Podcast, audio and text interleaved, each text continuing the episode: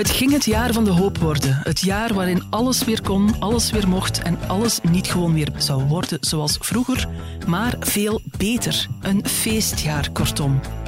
Dat is iets anders uitgedraaid. De pandemie bezorgde ons dan wel weer wat minder koprekens. Nieuwe crisissen kwamen in de plaats. Er brak een oorlog uit op een Gotthardgarme 2000 kilometer van onze deur. Een kind stierf na vermoedelijke mishandeling in de kinderopvang. Energiefacturen drijven mensen tot wanhoop en minstens twee regeringen in dit land vochten voor hun overleven. Vooraleer we de deur van 2022 kunnen dichttrekken, is het tijd voor een terugblik. Mijn naam is Anne van den Broek en dit is voor de laatste keer dit jaar Lopende Zaken.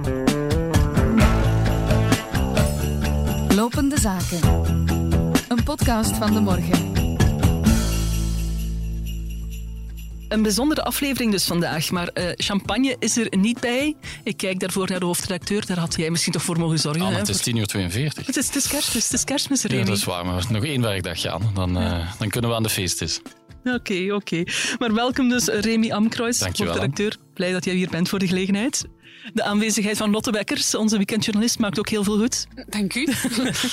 en natuurlijk, zoals altijd, ook aanwezig Bart Eekhout. Frisparelend. Frisparelend toch wel, ja? Geen nachtje doorgetrokken voor de laatste stukken voor de, de kerstkrans? Nee, nee, nee, nee, nee, nee. Dat is allemaal... Uh... Je hebt daar personeel voor. Ja, inderdaad. is... Dankjewel, Tine Peters, om het interview met Sammy Medi af te werken. Zeg juist dat het een jaar vol crisis is geweest, maar zijn jullie er ook ergens vrolijk van geworden dit jaar? Of was het alleen maar uh, miserie, miserie, miserie? En toen werd het stil. Natuurlijk wel. Ja. ja. Ja. genoeg. Maar Bart, begin jij? oh ja, um, ik denk dan meteen uh, gezinsgeluk. Met mijn dochter uh, die, die uh, het skateboard heeft ontdekt als nieuwe passie. Ja, voetbal. nee, vol, ja, zeg, Kan je zeggen dat je gelukkig voetbal. werd van Anderlecht? Ik wil, ja. ik, wil KRC Genk gaan zeggen. En Bart dat ik daar gelukkig van werd. Maar ik denk... Er is toch wel heel veel optimisme met een nieuwe coach. Hè? Ja.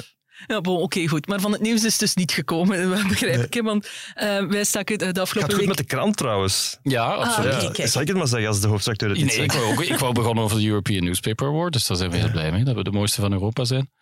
Um, toch, een, toch een beetje gelukkig geworden van het nieuws. Dan absoluut, uh, ja. En als je, als je toch het nieuwsgeluk wilt, ik ben wel blij natuurlijk dat we na, dat we na twee jaar vol corona, dat daar de focus toch wel wat uh, is verminderd. Ook omdat natuurlijk de cijfers verbeterd waren en we toch weer uh, meer terug naar normaal zijn gegaan. Ja. Dus dat is, uh, als ik een nieuwsfeit moet benoemen, springt dat er voor mij wel wat uit.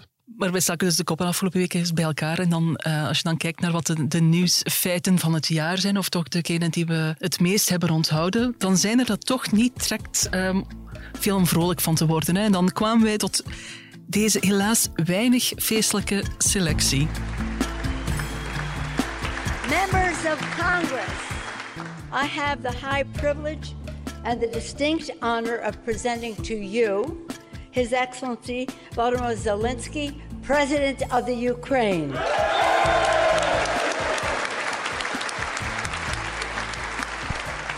If Russian missiles attack us, we'll do our best to protect ourselves. If they attack us with Iranian drones and our people will have to go to bomb shelters on Christmas Eve, Ukrainians will still sit down at the holiday table and cheer up each other. And we don't don't have to know every everyone's wish as we know that all of us, millions of Ukrainians, wish the same victory. Only victory.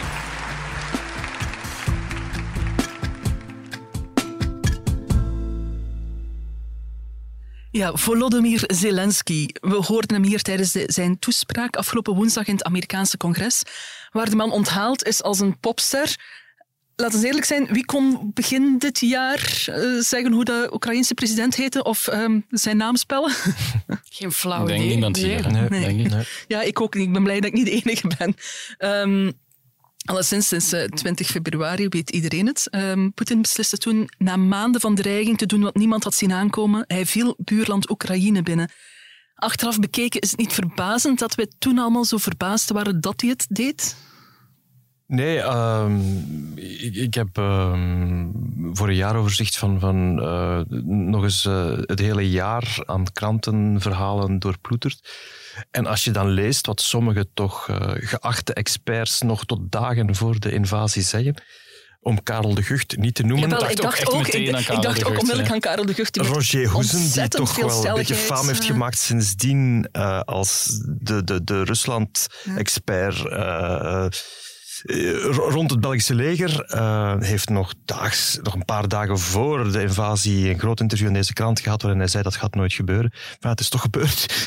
Nee, niet alleen, int- eh, ook internationale stemmen eh, zeiden dat trouwens. Ja, ja, eh. ja. Wel, ja, ja en nee. Ehm, de hoge eh, vertegenwoordiger van de Buitenlandse Zaken van de Europese Unie, eh Josep Borrell, heeft nog niet zo heel lang geleden zijn diplomatiek korps de mantel uitgeveegd, omdat ze inderdaad heel erg eh, zich opgesteld hebben tegen allerlei alarmsignalen dat echt wel ernstig was, terwijl vanuit Amerika, vanuit de CIA wel degelijk ernstige signalen zijn gekomen van het is menens. Maar die zijn dus in Europa, vooral in Europa eigenlijk, eh, ja, niet juist beoordeeld. Ja. Is het verrassendste ook niet dat Oekraïne nog stand houdt, bijna een jaar later? Wie had dat verwacht? Mhm. Ja, ik denk. Bij- Er wordt heel veel terecht ook gewezen op, op, op de, de uitzonderlijke moed. Wat je ook kan begrijpen, van, dat, dat is ook wel gewoon een, een, een, feit, denk ik, op het slagveld. Dat dat verschil in motivatie. Ja, je vecht uiteindelijk voor, voor, voor de bescherming van je eigen land, je eigen huis, je eigen gezin. Dat scheelt wel wat. Ehm, maar daarnaast denk ik dat we heel eerlijk moeten zijn dat er ook een soort, ehm, wat ze noemen, een soort proxyoorlog is, waarin weliswaar Oekraïne eh, eh, aan, het, aan het front vecht, maar ze worden natuurlijk ja, ondersteund, geadviseerd eh, eh, door, door, door, vooral door de Verenigde Staten, maar eigenlijk Ja. ook wel door de NAVO. Je bedoelt dat die oorlog bijna een symbool is voor, eh, voor iets anders dan puur die Nee, terreinstrijd. eigenlijk- Eigenlijk is daar een, een, een- oorlog bezig tussen grootmachten. Alleen is een van, van die grootmachten, noem het de NAVO, noem het de Verenigde Staten, eh, zit achter de schermen. Exact, dat is eigenlijk het punt. Het is niet Oekraïne versus Rusland. Hè. Het is eigenlijk een groot deel van het verzamelde Westen versus Rusland. Alleen mag dat natuurlijk niet zo gezegd worden. Dat is ook de reden dat men natuurlijk zo voorzichtig is met het leveren tot nu toe van die Patriot luchtafweerraketten of het luchtafweergeschut. Hè. Ik bedoel, men ehm, probeert toch te zien hoe ver men de grenzen kan oprekken voordat Rusland natuurlijk gaat zeggen van kijk, dit is een directe daad van agressie vanuit de NAVO of vanuit de VS. Tot nu toe ja, is dat een soort evenwichtsbalans zoeken. Eh, een soort koorddansen, denk ik. Maar goed, waar dat gaat eindigen, dat weten we ook niet. Nee. We hebben het afgelopen jaar eh, heel veel gespeculeerd over de drijfveren van Poetin, waarom dat hij die inval gedaan heeft. Ehm, ook, er is ook heel veel gespeculeerd over zijn, zowel zijn fysieke als zijn mentale gezondheid, over waar hij al dan niet toe in staat zou zijn, of dat de bom gaat vallen, ja dan nee. Maar een minstens eh, even fascinerende figuur is toch misschien wel Zelensky. Hè? Ja, het is interessant, denk ik, dat je deze week plots die, eh, die vergelijkingen met Winston Churchill krijgt. Hè? Dus dat vond ik wel boeiend. Eh, natuurlijk, de Britse pers sprong erop omwille van de data die bijna gelijk zijn. Ik denk het is 81 jaar geleden. Dat Churchill ook het congres toesprak. toen eigenlijk in, natuurlijk Nazi-Duitsland tijden. De parallel valt ergens te maken, maar het is natuurlijk ook een, een gemediatiseerde parallel. Aan de andere kant ja, is het ongelooflijk hoe Zelensky, die in het begin werd weggezet als een tweede, derde rangsfiguur, een clown, een veredelde acteur. eh, Het is een acteur, hè? Ah, ja, natuurlijk, maar ik bedoel een, een, een, een, een, pre- een niet-presidentswaardig figuur. Ja. Zo werd hij in het begin eigenlijk gezet. Ja, hoe die zich toch ontpopt heeft tot iemand die eh, iconisch is geworden. Niet alleen in Oekraïne, maar eigenlijk voor ja, het verzet van, van een hele, hele staat, van een hele natie. En op die manier ook in het Westen eigenlijk eh, is uitgegroeid tot een soort cultheld. Hè? Ik denk dat dat wel... Ja, wel, maar eh, eh, dat, dat is het ook een beetje ehm, eh, waar, het, eh, waar het op wringt, denk ik. Van, is hij nu echt zo'n groot leider? Doet hij dit echt zo goed? Of maken we dat vooral van hem? Ma- ma- maken we hem vooral tot een cultheld? Hij, hij doet alleszins... He ticks all the boxes. Dus terwijl ehm, Poetin nog nooit eigenlijk in de buurt is ge- ge- gesignaleerd van zijn eigen legertroepen, die het toch niet makkelijk voor de kiezer krijgen, eh, is eh, Zelensky, voor hij in Washington was, zat hij eh, aan het front in Bakhmut, waar op dit moment het hardste strijd geleverd wordt en waar Oekraïners zwaar onder, onder druk staan. Wat, wat eigenlijk in zijn positie levensgevaarlijk is, maar hij doet het. Dat zal allemaal heel goed gecoördineerd en, en, en beveiligd zijn.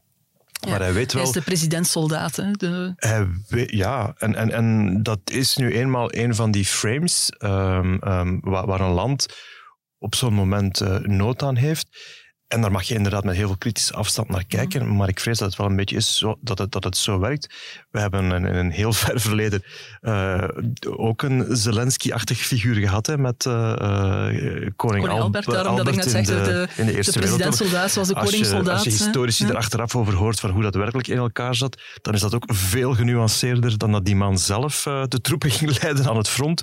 Maar ik denk dat het wel belangrijk is dat, dat, zo'n, dat, dat iemand op zo'n moment toch, toch die figuur van vader des vaderlands opneemt. Ik denk ook dat je het niet mag over, uh, of niet mag onderschatten. Ik denk wat je wel natuurlijk ziet is, als het gaat over militaire strategie, uh, de manier waarop bijvoorbeeld het, het, succesvol tegenoffensief in september was het denk ik, september, oktober, uh, rond de regio Gerson, Kharkiv. Als je ziet hoe dat stand is gekomen en je leest dan nadien de uitgebreide reconstructies.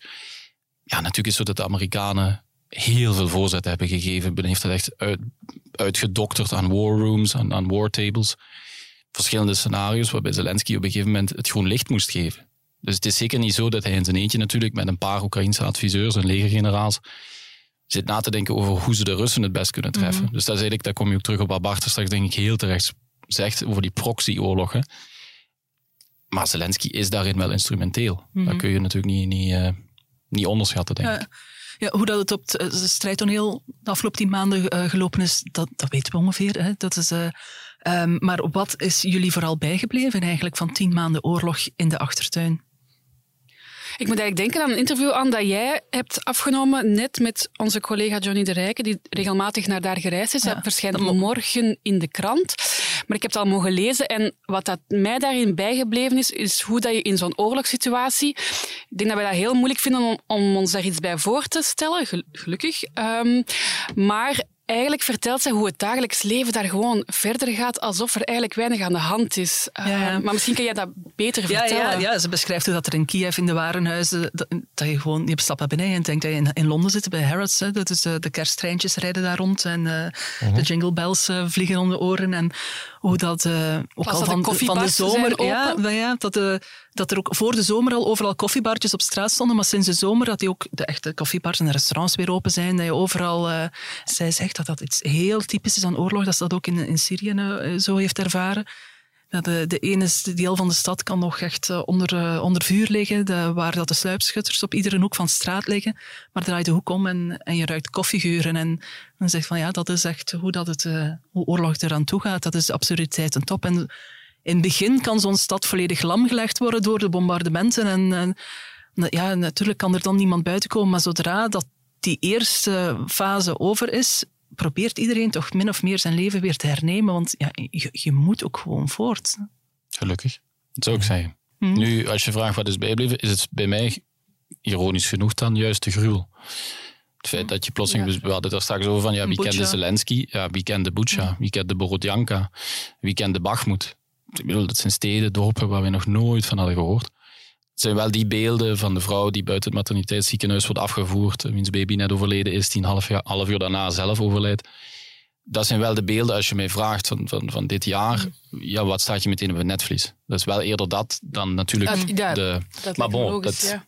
Het is gewoon de twee naast elkaar, dat is het. Ja, en ook de, de absurde van de de, situatie. abs, de absurditeit en de vreedheid ervan, denk ik. Hmm. Zien jullie beterschap voor 2023? Als we zo in de grote glazen bol kijken.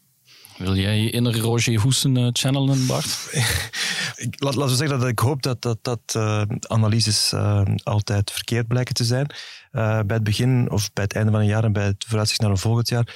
Dus uh, mijn analyse daarvoor is, is, pessimistisch, dus met de volle hoop dat ik er helemaal naast zit. Ik denk dat de kans wel reëel is dat we uh, hier nog wel even niet vanaf zijn. Nee, dat we um, nog niet onmiddellijk aan de onderhandelingstafel nee. zitten om... Denk er was iemand, iemand die dit heel mooi samenvatte, uh, dat je eigenlijk aan de ene kant een, een, partij hebt die wil winnen, om goede redenen, Oekraïne, en dat je aan de andere kant een partij hebt die niet wil verliezen, Rusland. Ze, ze hebben een, een, een, een belangrijk... Um, een belangrijk wapen en dat is kwantiteit.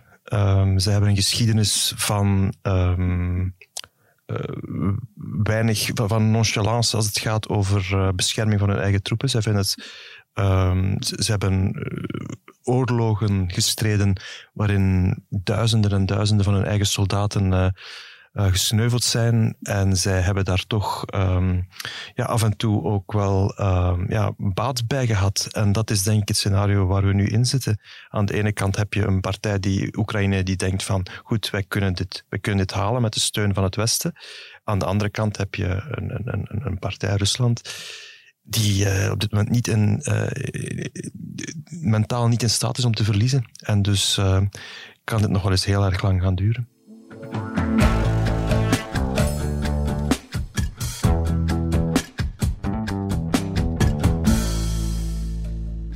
Het nieuwe voorschotfactuur, is een voorschot voor je energieverbruik, bedrag 6.840 euro.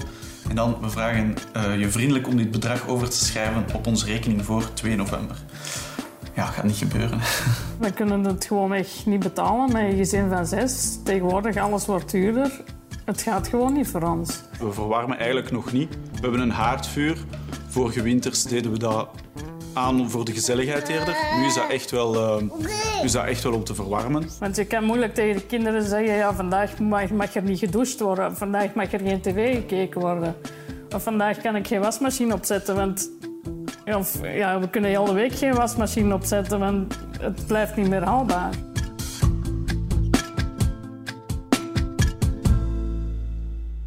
Het is een rechtstreeks gevolg van de oorlog. De energieprijzen gingen door het dak. Mensen kregen voorschotfacturen in de bus die deden duizelen en voor serieuze paniekreacties zorgden.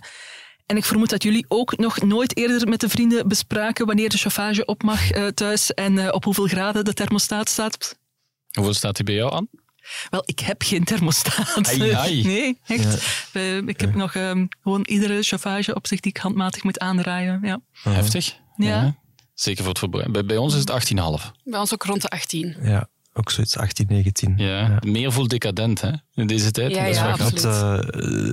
uh, in de examenperiode hebben we het een graadje hoger gezet, omdat dan uh, de zoon uh, thuis zat te werken. En dan wow, wil je toch niet dat hij in een soort slaapzak moet kruipen om, Hmm. om wiskunde te studeren. Ja, we hoorden juist ook nog een aantal mensen getuigen over ja, de, de zotte voorschotfacturen die ze in de bus kregen. Hoe is dat eigenlijk zover kunnen komen? Hoe, hoe, hoe zijn we daar nu weer net beland? Oh, de heel simpele uitleg is, uh, het is dus oorlog, zoals we weten uit het vorige kwartier. Uh, en en uh, de grote gasleverancier van Europa was tot voor die oorlog Rusland. En die is dat nu niet meer. En dat betekent dat er een, een, een schaarste is op de, de energiemarkt, met name vooral voor gas, maar ook de olieprijs durft al eens alle kanten op schieten. En gas is ook een belangrijke uh, brandstof om elektriciteit op te wekken. Dus ook de elektriciteitsprijs mm. gaat, schiet mee de hoogte in. En voilà. Het is niet de eerste keer hè, dat er fluctuaties zijn op uh, de energiemarkt. Wat je dan in het verleden al wel vaker gezien hebt, is dat de, de overheid ingrijpt. Dat is nu ook gebeurd, maar is dat voldoende gebeurd? Hebben ze dat uh, goed aangepakt? Ik denk dat er weinig marge was, hè? Als, je, als je heel eerlijk bent. Uh, in België sowieso, als je ziet hoe Duitsland het doet met hun 300 miljard, denk ik, als ik het even uit het hoofd uh, moet zeggen. Die ruimte is er gewoon niet met, met de begrotingsputten waar wij voor staan en waar het IMF uh, van de week ook nog eens feitjes op wees. Ja, je kunt over die compensatiepremie van, van 100 euro per maand zeggen wat je wil. Het is iets. ik denk dat voor de meeste mensen veel te weinig en, en dus bijna niets blijkt. Maar goed, ik denk dat men hier op de limieten is gebotst van, uh, van de eigen staatsschuld. Dat is het hele simpele verhaal. De vraag is ook natuurlijk, wat wil je bereiken met compenserende maatregelen? Hè?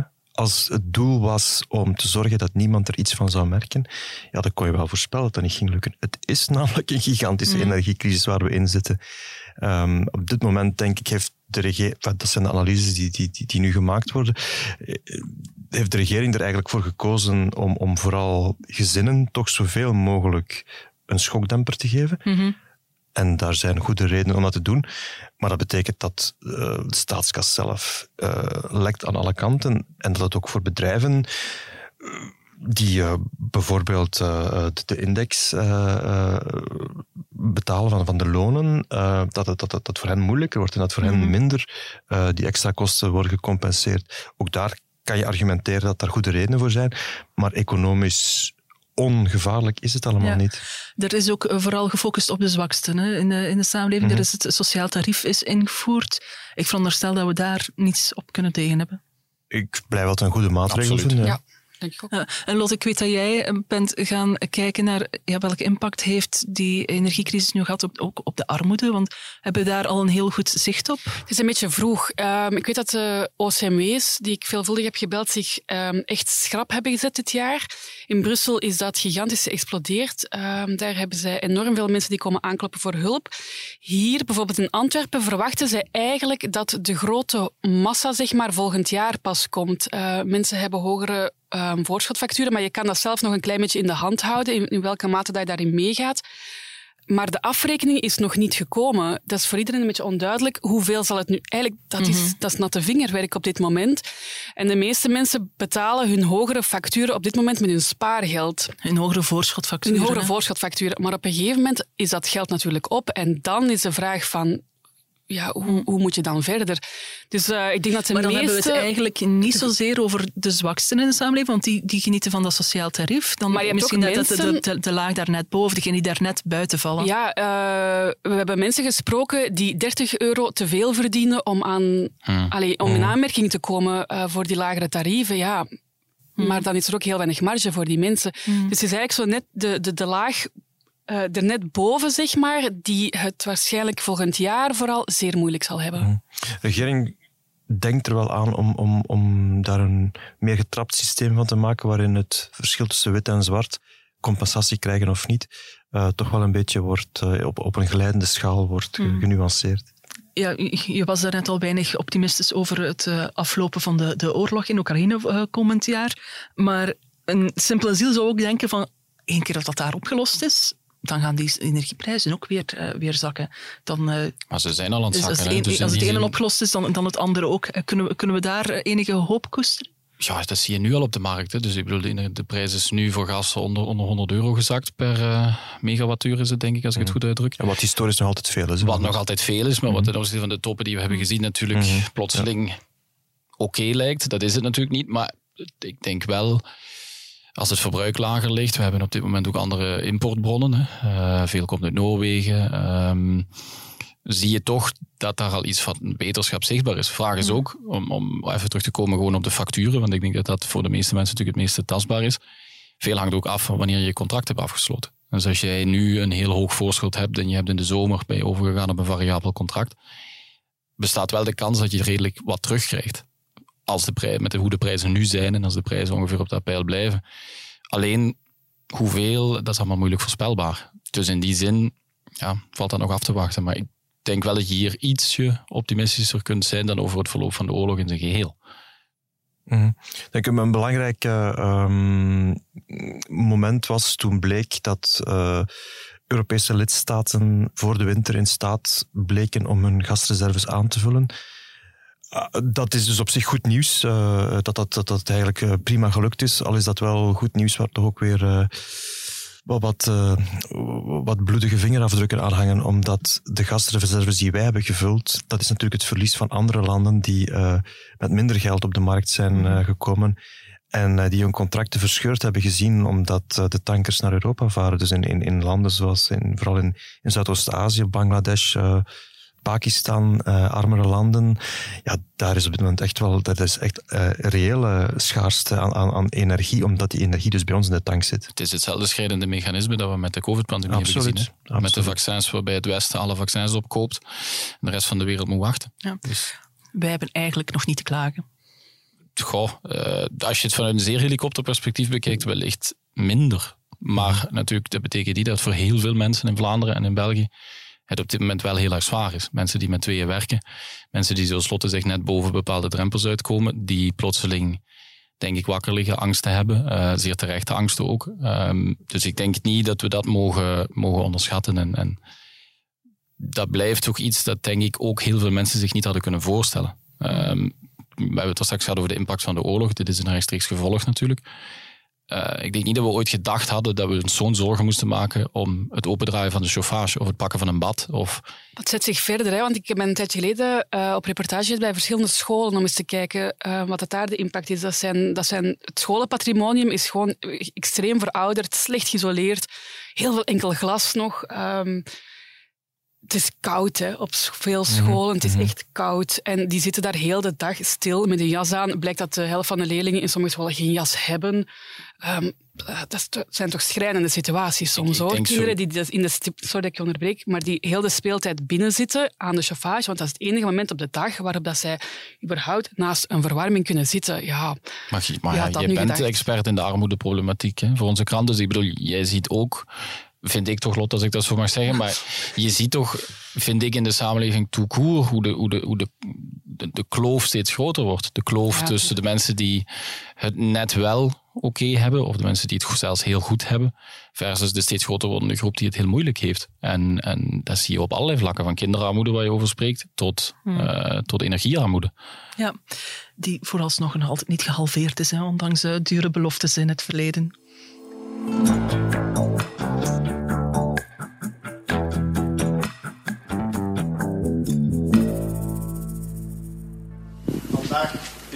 Mijn laatste dag als minister van Welzijn, Volksgezondheid, Gezin en Armoedebestrijding.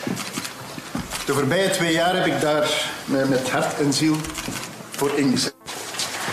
Ik ben fier op wat ik met de hele ploeg hier op het kabinet, met mijn collega's in de commissie, mijn CD&V-collega's, Katrien Schrijvers, Maaike de Rudder, Vera Jans en met steun van de regering en in bijzonder ook van mijn collega's Hilde Krevits en Benjamin Dalle de voorbije 2,5 jaar heb kunnen realiseren.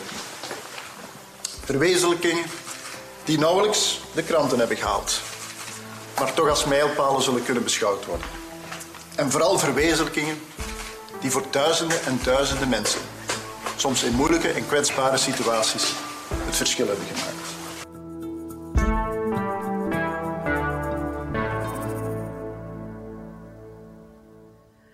Het is wellicht het grootste dieptepunt van het jaar binnen de landsgrenzen. In februari stierf een baby nadat ze vermoedelijk door elkaar geschud werd in het sloeperhuisje in Mariakerke, de crash waar het kindje opgevangen werd. We hoorden net Wouter Beke van CD&V ontslag nemen als Vlaams minister van Welzijn. Dat deed hij niet, zoals je misschien zou verwachten, onmiddellijk na het overlijden van het meisje, maar wel pas enkele maanden later. En het drama in Mariakerke zet vooral ook de sluizen open. Hè? Want in de weken en maanden die erop volgden kwamen nog veel, veel meer wantoestanden aan het licht. Ja, ik denk dat wat, wat het afgelopen jaar hebben gezien, is eigenlijk een soort ehm, combinatie van verschillende problemen, structurele problemen. Je hebt aan de ene kant heb je de, de kinderopvang die jarenlang structureel is ondergefinancierd, ook ondergewaardeerd. En dat leidt nu tot een leegloop van de sector. Mensen willen daar eigenlijk niet meer werken in die omstandigheden. Ehm, dat voel je vandaag heel acuut.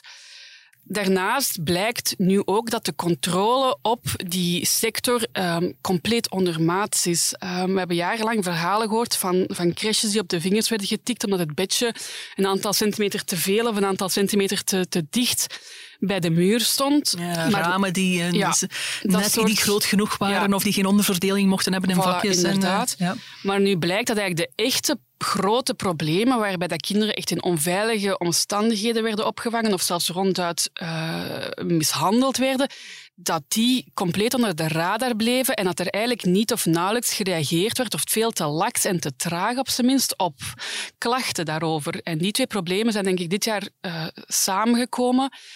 En die sector staat op dit moment zeer wankel op haar benen en, en vecht, ik denk dat je bijna letterlijk kan zeggen, vecht elke dag voor zijn bestaan. Want ik denk dat er niemand die op dit moment kinderen in de crash heeft, niet minstens één keer per week telefoon krijgt.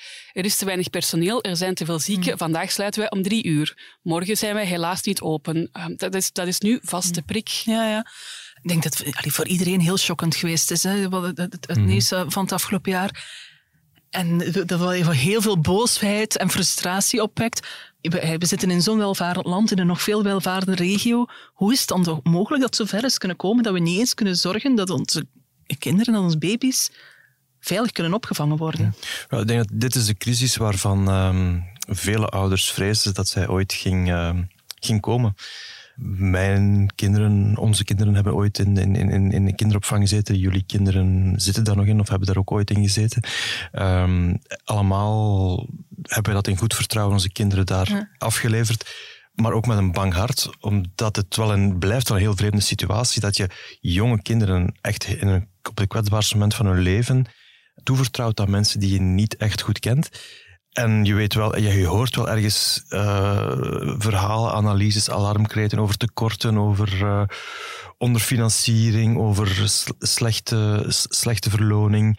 Dus dat, dan, dan, dan weet je van ja, hopelijk gebeurt er gebeurt niks. En dan blijkt inderdaad wat iedereen die, stilletjes... Die, die, vrees had jij tien jaar, want het is ongeveer tien jaar geleden, denk ik, dat jouw kinderen in de kinderopvang zaten. Of, allee, ja, min of meer. ik ben misschien wel een beetje belangrijk op dat punt, maar die, die vrees is voor mij niet nieuw. Nee, absoluut niet. Zoals ook de vrees uh, voor uh, verkeersonveiligheid totaal niet nieuw is. Um, dus dat, dat, dat, dat is, uh, die wat we niet moeten denken is dat er nu plots uh, die sector overspoeld wordt door mensen die uh, slechte intenties hebben met kinderen. Er is altijd volgens mij zijn, zijn er dergelijke problemen geweest, maar die zijn onder het tapijt geveegd, die zijn onder de kpie gehouden omdat dit er nu eventjes niet bij kon, omdat die sector moest blijven draaien. En dat is denk ik er was al zo weinig volk in de sector. Voilà, en dat er was al zo weinig plaats. En dat hoor je nu ook. Hè. Ouders die nu aan de andere kant gaan staan, hè, die gaan zeggen van ja, maar we gaan de crash toch niet sluiten omdat er hier een kindje van de trap is gevallen. Um, dus, dus, van, want dan hebben wij geen crash meer. Wat moeten we dan doen? De focus heeft ook heel erg gelegen op plaatsen bijcreëren hè, in, mm in, in, crashes. Veel minder dan ja, investeren in personeel en in... Uh, ja dat is ook logisch als je natuurlijk als politiek je samenleving zo modelleert dat kinderopvang een centrale schakel is mhm. in uw economie. Ja, absoluut noodzakelijk is. Hè? Daarom, dan, is, dan is het heel logisch dat je dit soort situaties uh, in de hand werkt, zou ik zelfs durven zeggen. Ja. Maar dan zou ik toch hopen dat als dat inderdaad de, de architectuur is van, van, van, de samenleving die je voor je ogen hebt, uh, dat er ook geld, dat het geld volgt. En dan is het inderdaad, en dan ken ik de klacht van de kritiek van, van politici. Ja, journalisten hebben het altijd makkelijk. Ze schrijven stukjes en zeggen, ja, je moet meer geld komen. Ja, uh, de, de, de, de, schatkist is ook eindig. En dat klopt wel, maar ik denk dat met name de Vlaamse regering um, echt een probleem met focus heeft. Ja, nochtans, we horen het Wouter Beek hier net ook zeggen. Er is zoveel geïnvesteerd in kinderopvang, er is nooit meer geïnvesteerd in kinderopvang. En hij heeft echt wel mijlpalen bereikt. Ja, maar hij vertrekt vanuit een historische... Ten eerste weet ik niet eens of dat het allemaal uh, tot op de, de, de euro klopt. Maar hij vertrekt wel vanuit een historische achterstand, waar inderdaad, zoals Remy zegt, nooit gevolg is gegeven aan, aan, aan het idee dat, dat kinderopvang een centrale uh, factor was in die uh, werkgelegenheidsmotor, waarin full employment nodig is voor moeders en vaders en iedereen uit werken gaat, waardoor kinderen elders worden opgevangen. Ja, als je dat, als je zo'n samenleving wil uh, organiseren, waar perfecte argumenten voor zijn, ja, dan moet je inderdaad financieel consequent zijn. Wat daar heel tekenend voor was, is in heel de coronacrisis is het over de zorg gegaan en over de scholen die moesten open uh, blijven en op welke manier dat, dat dan moest gebeuren. Daar was heel veel aandacht voor, ook terecht. Maar het is in heel die periode nooit over de kinderopvang geweest. Terwijl de kinderopvang wel grotendeels, uh, of nee, niet grotendeels, is gewoon open gebleven. Zeker in eerste instantie of in de beginfase voor mensen uit de zorg. Maar die mensen hebben daar dat is een contactberoep puur sang. Ja, er is ook heel veel frustratie over geweest bij, de, bij de vaccins. Hè? Uh, je kunt daar niet met maskers werken. Die, ze hebben geen voorrang gekregen bij vaccinaties. Het is daar gewoon nooit over gegaan. Die groep is compleet uit het, over het hoofd gekeken. En dat is heel veelzeggend over hoe dat daar vanuit het beleid naar gekeken wordt. Dat is een beetje een onzichtbaar... Dat is een stille groep. Die komen niet op straat. Die sluiten niet. Die protesteren niet. Um, vind ik een bijzonder terecht punt dat je maakt. En die, zijn zeer ons, die worden heel gemakkelijk over het hoofd gezien. Mm. Maar het, het, is daar, bij hun zijn er wel echt genoeg van op dit moment. Mm -hmm. Ja, ik merk het ook. Want, um, mijn pleegdochter zit niet meer in de, in de kinderopvang momenteel, maar ik krijg nog wel de mails binnen uh, van de kinderopvang. Ik zit blijkbaar nog in de mailinglijst. En dan zie je dat die mensen uh, zich de noodzaak voelen om zich te verantwoorden tegen ouders, waarom ze denken dat zij wel een goede kinderopvang zijn. En ik vond dat ontzettend pijnlijk om, om te zien dat ze zo'n kinderopvang die nood voelt. Ja, je, weet, in die oh ja, je, je, je, kent die mensen, je ziet hoe hard die alle dagen hun best uh, gedaan hebben voor die kinderen. reflex, maar ik denk wel wat heel belangrijk is, is wat Bart er straks zei. Je hebt misstanden die komen aan het licht, gelukkig maar dat die aan het licht komen. Ik bedoel, maar ik denk niet dat je wetenschappelijk kunt gaan stellen dat er nu meer misstanden zijn dan mm -hmm. pak een beetje 10 of 15 jaar geleden. Dat weten we eigenlijk niet. Um, en het is ook belangrijk om aan te stippen dat, er heel, dat het gros van de ouders, uh, dat weet ik omdat ik daar ook een stuk over gemaakt heb, nog het volste vertrouwen heeft in de kinderopvang. Zij zien wel dat het heel moeilijk werken is. Mm. Zij zien dat het heel uh, onstabiel is qua personeelsbezetting. Maar er is wel heel veel vertrouwen, denk ik, bij veel ouders. Je merkt ook heel veel solidariteit met de sector. Hè. Elke woensdag komen uh, ouders uh, met hun kinderen daar zitten in de plenaire vergadering om hun stem te laten horen. Of hun... Dus um, dat gaat wel nog goed, maar er is bij iedereen wel... Ja, het, het moet wel veel, veel, veel beter. Uh, we weten dat uh, Wouter Beker ondertussen ontslag nam. Uh, we weten ook dat de topvrouw van Kind en Gezin recent een stap opzij zette. Maar is er ook iets opgelost? Er zijn wel dingen gaande. Um, in de sector leeft wel het gevoel dat de ernst van de situatie nog niet altijd of niet echt doordringt. Ik begrijp dat wel, maar er zijn wel wat stappen gezet het afgelopen jaar. Maar de nadruk ligt op dit moment toch vooral op de handhaving. Uh, er zijn meer inspecties met uh, strengere straffen, zeg maar, of, of strengere consequenties. Uh, de, de, inspectieverslagen zijn online, dus er wordt gewerkt aan transparantie. Er komt uh, begin volgend jaar ook een grote kwaliteitsmeting van onze opvang. Uh, dat is allemaal nodig, dat is ook allemaal terecht, maar het probleem is dat lost niet veel op vandaag en dat lost niks op morgen. Nu, er wordt uh, wel wat geld uitgetrokken om een aantal statuten te verbeteren. En in maart, heb ik begrepen, start er een werkgroep en die moet een groot toekomstplan gaan uitdenken. Maar die resultaten die worden dan pas in 24 verwacht. En dan moet dat natuurlijk ook allemaal nog geïmplementeerd worden. En dat zal over gediscussieerd moeten worden. Dus het is niet onlogisch dat het veel tijd kost om zo'n tanker gekeerd te krijgen. Mm. En je moet dan maar hopen dat die sector tegen dan niet mm. compleet geïmplodeerd is. Want het is nu gewoon elke dag moeilijk. Dus dat, dat wringt natuurlijk wel een beetje. Akkoord, maar ik, de tankermetafoor heb ik, heb ik wel de voorbije tien jaar op heel veel Vlaamse dossiers echt wel te veel gehoord. Dus ik bedoel, hoe je het uitlegt, ik bedoel, absoluut, er, er zijn dingen in gang gezet. Maar als je dan spreekt over, oké, er, komt, er komt een kwaliteitsmeting tegen 2024, komt er een plan. Ja, sorry, maar dat had vijf jaar geleden moeten Ik weet het, en we zijn bijvoorbeeld, om even de parallel met het onderwijs te trekken, waar je vanuit de kinderopvang binnen een paar jaar natuurlijk snel bent, dan zijn we ook al 15 jaar aan het wachten op kwaliteitsverbeteringen. Dus vergeef het mij dat ik niet heel veel vertrouwen heb in, in dat megaplan, om het nu zo te zeggen. Nee, dat is waar, ja. Mhm. We hebben het hier um, in de podcast ook al een paar keer gehad hè, over de kinderopvang. Ik herinner mij ook uh, dat we daar in heel scherp geweest zijn voor Wouter Beke, waarin dat, uh, jij ook, Bart, zijn ontslag vroeg, um, lang voordat hij het gaf. Zijn we te streng geweest, achteraf bekeken, um, voor hem? Of sta je daar nog altijd uh, heel erg achter? Nee.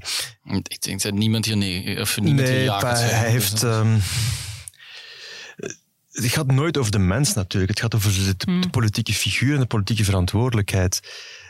En er waren op dat moment aanwijzingen om te zeggen dat, er, dat de dood van dat ene kind een soort illustra een, een, een heel tragische illustratie was van een structureler probleem, waarvoor je, denk ik, als bevoegd minister op een bepaald moment wel even politieke verantwoordelijkheid kan opnemen. En dat is, dat ook, dat, dat is dan ook geen schande.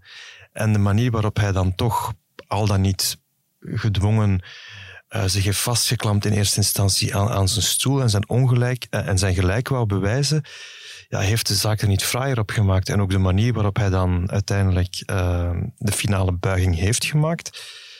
Met zijn dochter, met die t-shirt aan, nothing to prove. Ik oh, misschien even niet. De verhalen zijn gewoon te hallucinant.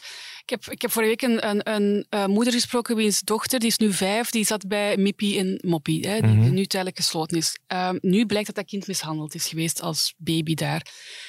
De eerste klacht daar, we spreken over vijf jaar geleden, als ik goed reken, zitten we in 2018. De eerste klacht over die crash is binnengekomen in 2010. In 2015, als ik het goed voor heb, is een tweede klacht binnengekomen. Er zijn misschien tussendoor nog klachten geweest. Die mensen hebben dat nooit geweten. Die hebben nu door de media, heisa zeg maar, daar rond, zijn die dat te weten gekomen. Er is destijds ook een verzorgster van haar dochter naar kind en gezin gestapt om een klacht in te dienen, specifiek over de manier waarop dat met die dochter werd omgegaan. Die moest heel dag naar bed liggen zonder eten, dat soort dingen. Die mensen wisten van toeten of blazen. Die worden niet ingelicht. Dat blijft tien jaar, twaalf jaar lang doorgaan alsof er eigenlijk niks aan de hand is. Dat, dat, is onvoorstelbaar. Ik denk het feit dat een minister uh, zo lang nodig heeft om zijn politieke verantwoordelijkheid in te zien, getuigt op zijn minst van tunnelvisie en enige wereldvreemdheid, denk ik.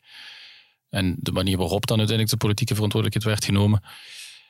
Het is heel erg aandoenlijk en, en mooi vanuit, denk ik, een gezinsperspectief dat een dochter uh, het ook voor haar vader wil oppakken. En, en dat is natuurlijk vanuit het menselijke uh, heel logisch.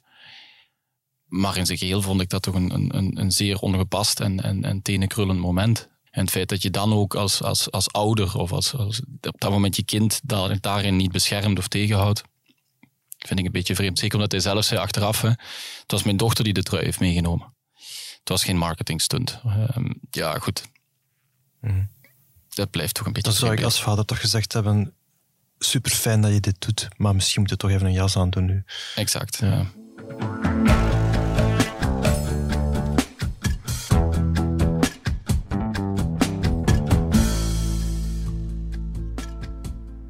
natuurlijk bestaan er tekstberichten over begroting. Natuurlijk. Tegendeel zou mij verbazen. Uiteraard bestaan die. En ik ben steeds zeer open geweest in de pers over het bestaan van tekstberichten over begroting. Trouwens, ik heb in dit parlement nooit ontkend dat er tekstberichten waren over begroting. Maar dat er tekstberichten zijn die een oké geven bij een foutieve toelichting bij de begroting, dat ontken ik. Nee, die tekstberichten die bestaan niet.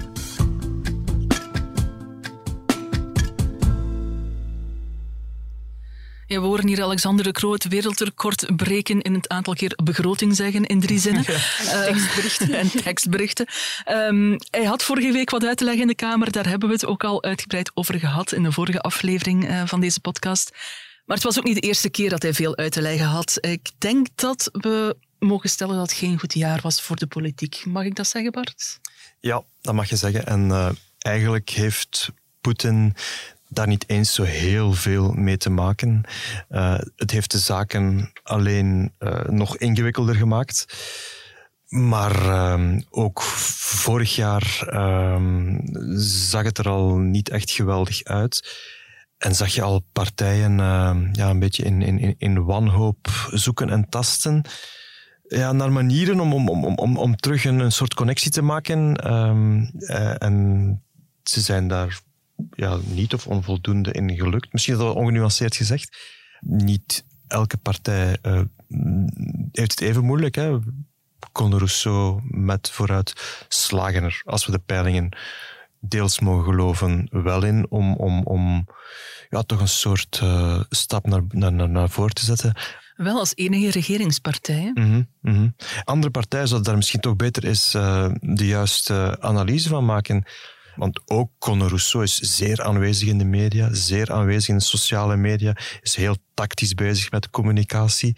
Allemaal dingen waar je uh, erg kritisch over kunt zijn. Maar wat Conor Rousseau niet doet, of toch heel erg weinig doet, is in die communicatie, in die hypercommunicatie, het zijn eigen regering, zijn eigen ministers lastig maken. En als je dat dan vergelijkt met het toch ja, deerniswekkende schouwspel dat bijvoorbeeld Open VLD de voorbije weken heeft opgevoerd, ja, dan begrijp dan je wel waarom de ene die dan partij... Dan bene ook nog de, de premier leveren, hè, die het Mhm. meest... Uh, um, uh, de, de meeste stokken in het vuur hebben hier uh, Ja, maar die dat op, op, een... En ik begrijp wel waarom, waarom zo'n partij, een, een, een, als die peilingen voortdurend tegenzit, als je voortdurend kritiek te slikken krijgt, dan kan ik me voorstellen dat je in een soort kramp terechtkomt. Maar het resultaat is wel, is wel heel erg pijnlijk. Om even terug te gaan naar, heel die, die WhatsApp-toestanden en naar het ja, toch erg lastige ontslag van, van staatssecretaris voor begroting Eva de, Eva de Bleker. Dit is echt een drama dat Open VLD zichzelf op de hals heeft gehaald. Hè. Dit was... Uh, ik ben zelfs nog geneigd om, om, om, om op dit moment, met, met de kennis van zaken die we op dit moment hebben, om de visie van, van, van, van de premier te geloven. Hè. Dat er uh, um, geen oké okay gegeven is, over de gehele begroting bedoel ik dan. En dat er um, ja, echt wel fouten uh, zijn gemaakt op het kabinet begrotingen, waar mm. de tekst, de inhoud van, van, van het uiteindelijke begrotingsontwerp is aangepast. Want daar gaat het dan eigenlijk ja. over. Maar de cijfertabellen zijn niet gevolgd. Maar goed, zeg dan, oké, okay, we hebben een fout gemaakt, we gaan ze rechtzetten. Je krijgt tegen, tegen vanmiddag krijg je nieuwe teksten in de Kamer. Voilà, uh, gedaan daarmee.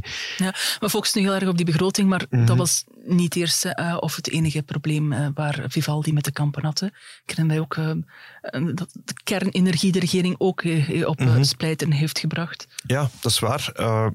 ten, ten goede zou ik zeggen, um, het is ook echt wel heel erg lastig om... Um, ja, je, je begint niet aan zo'n regering... Je begint aan een regering in nood. Hè.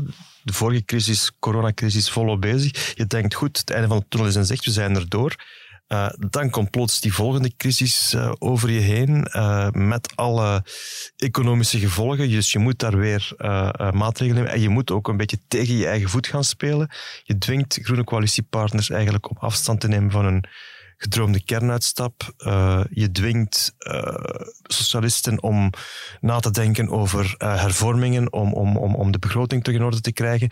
En je dwingt die middenpartijen, christen, democraten en liberalen, om effectief veel meer geld uit te geven dan ze in kas hebben. Dus dat is drie keer eigenlijk dat je tegen je eigen DNA ingaat. Dus nee, dat is, dat is absoluut, dat, dat, dat is, dat, dat is niet eenvoudig. Maar dan nog is het resultaat dat we op het eind van het jaar gezien hebben matig. Hmm. We hebben hier nu een fragmentje laten horen uit, uh, uit de Kamer. Maar eigenlijk had het er even goed eentje kunnen zijn uit het Vlaams parlement. Hè, want um, de situatie in de Vlaamse regering was dit jaar niet veel, veel beter zullen we zeggen. Nee, en dat is misschien nog verbazender, omdat zij um, toch veel minder te lijden hebben onder die internationale context. Ah uiteraard wel een beetje. Maar goed, um, bij hen... Met een veel natuurlijkere coalitie zitten, om te beginnen, ja, ook al, met ja, minder partners. dat, dat werkt, werkt, dan blijkbaar ook niet, omdat dat dan leidt tot afgunst en tot concurrentie. En, en, en dat is een, eigenlijk een, een, een ja, een veel verbazender uh, conflict, onbehagen dat er in die regering zit, omdat die context, uh, die internationale context daar veel minder speelt. Dat het echt puur gaat over ja, partijen die, die tegen elkaar zitten te wringen en te botsen. Wat belooft dat in je ogen, Bart, voor, uh, voor volgend jaar en vooral ook voor 24? Want er gaat niet meer veel gebeuren mhm. natuurlijk. Hè? Wel, de, de, de stemmen in de regeringen, in de, in, in, de, in, in de partijen, ik heb het dan terug over de federale regering, zeggen van wel. Zeggen dat er wel nog uh, in lente een doorstart mogelijk is, dat er wel nog een, een groter sociaal-economisch akkoord zal gesloten worden. Wie ben ik om te zeggen dat, uh, dat daar niks van in huis komt? Dat klinkt dan ook weer heel erg De van de ervaring zou ik zeggen, want um, ik denk, de, de, logica zou zeggen, ah ja, we zitten dan nog dichter bij de verkiezingen. Iedereen wil nog even bewijzen dat ze wel degelijk iets um, nog klaar kunnen krijgen. Maar de ervaring leert ons mhm. toch ook hoe dichter je bij een verkiezing komt, hoe minder dat er nog uh, effectief klaargemaakt wordt. Hè? Ja, als je puur objectief kijkt, zijn er partijen die er geen enkele baat meer bij hebben om zich in, uh, in, in, in het bad te gooien. En dat is denk ik een hele moeilijke. Hoe zou je de PS ervan kunnen overtuigen om nog extra maatregelen te nemen over de betaalbaarheid van de pensioenen? Hoe objectief wenselijk dat dat ook zou zijn, als je weet dat die partij zich daarmee uh, zelf heel kwetsbaar opstelt tegen een concurrent op links, PTB, die al aan het winnen is. Ik zie het niet, maar goed, uh, ik wil gerust, het is kerst, ik wil gerust uh, het optimisme laten zegenvieren, dus ik wil het zeker een kans geven. Maar ik vrees dat, dat, dat, dat, dat, dat het een lastige wordt. Hm. Van, van wie verwacht je nog het meest? Waar zie je nog, toch nog iets gedaan krijgen, toch die federale of eerder de Vlaamse regering? Want daar ligt ook nog redelijk wat te wachten. Hè? Als je, als je terug puur objectief bekijkt, dan zou het makkelijker moeten zijn voor die Vlaamse regering om toch voorbij die uh, lastige hinderpalen te geraken. Maar eigenlijk speelt zich daar een beetje het omgekeerde af, maar aan de rechterzijde met, een, met partijen die heel erg angstig zijn voor uh, een, een, een, radicaal rechts, voor Vlaams Belang, dat slapend rijk wordt, wat hen ook heel erg weinig marge geeft om uh, toe te geven. En als je dan kijkt naar bijvoorbeeld die dossiers die uh, in landelijk Vlaanderen heel erg belangrijk zijn, um, dan wordt het bijvoorbeeld heel erg moeilijk voor CD&V, ook een partij die, die, het, die toch in ademnood verkeert, mm om uh, op, op, landbouwdossiers, op milieudossiers uh, heel coulant te worden. Ja. En misschien moet iemand de minister-president ook nog even terugvinden. Ja, hij heeft zijn been gebroken, dacht ik. ik heb ja, een dat is het. Ik heb ergens een foto zien passeren van een man in, in een ziekenbed. Maar um, inderdaad, voorlopig blinkt hij uit in, in, in afwezigheid, terwijl een aantal mondige ministers, om Zoaldemir alweer niet te noemen. Ja, neem het, neem het al een beetje over. in de regering niet versterken ook. Nee. Nee. nee. Goed, dat um, was een heel hoop kommer en kwel op een hoop. Maar onthouden we ook iets positiefs van het voorbije jaar? Hebben we daar ook iets van geleerd van zoveel miserie? Ik heb ik was er gisteren over aan het nadenken, want jij kwam met die vraag af en toen moest ik denken aan uh, een interview dat ik afgelopen zomer deed met Bea Cantillon, de bekende Antwerpse professor die gespecialiseerd is in armoedebeleid. Wat dat mij daar wel trof, is dat zij eigenlijk... Ik dacht dat zij met een heel pessimistisch verhaal zou komen. Ehm, maar dat was eigenlijk redelijk optimistisch. Dat vond ik heel verrassend. En ze zegt van ja, je kunt, je kunt die situatie waarin dat we ons nu bevinden, de systeemcrisis, uh, heel pessimistisch bekijken. Maar je kan ook er zijn zoveel kansen op dit moment. Hè. We zitten in zo'n ontwrichting dat er eigenlijk dingen mogelijk zijn waar die, die twee jaar geleden ondenkbaar waren. Europa is blijkbaar bezig over het optrekken van de minimumlonen. Dat was onbespreekbaar twee jaar geleden, maar nu die noodzaak is zo groot. Um, de manier waarop we met energiebeleid aan het omgaan zijn, um, sociale tarieven, dat was vroeger niet aan de orde. Um, er is meer dan ooit aandacht voor armoede. De warmste week heeft als thema kansarmoede. Dat had je niet kunnen voorspellen een aantal jaar geleden. Um, de problemen in de zorg liggen zo open en bloot, we kunnen er niet meer naast. Mentale gezondheid, dus al die problemen die al jarenlang sluimeren, is daarmee een magische oplossing bedacht? Nee, dat is het niet. Maar ze, staan wel op de kaart. Ze staan op de mhm. kaart en we kunnen er niet meer omheen. En misschien laat dat dan de, de positieve noot zijn of zo. Om, uh, ja, dat we kunnen overgaan naar een opbouwfase, hè? of een soort heropbouw. Ik denk het mooie wat je ziet, en dat is hetgene dat, dat ik dan ook vooral aan het houden, is dat er wel gewoon heel veel solidariteit is. Er mhm. zijn heel veel mensen, gewone burgers om het dan zo te noemen, die er iets moois van willen maken, die de wereld wel echt beter willen achterlaten. En ik denk ja, dat dat wel ook iets is waar wij met z'n allen uh, heel erg op zitten te wachten. Dus als je vraagt waar zit mijn hoop of waar zit mijn lichtpunt, dan toch wel daar. Ja, en wat mag 2023 eh, brengen? Een overwinning van Anderlecht tegen Union. Eentje, een kleintje.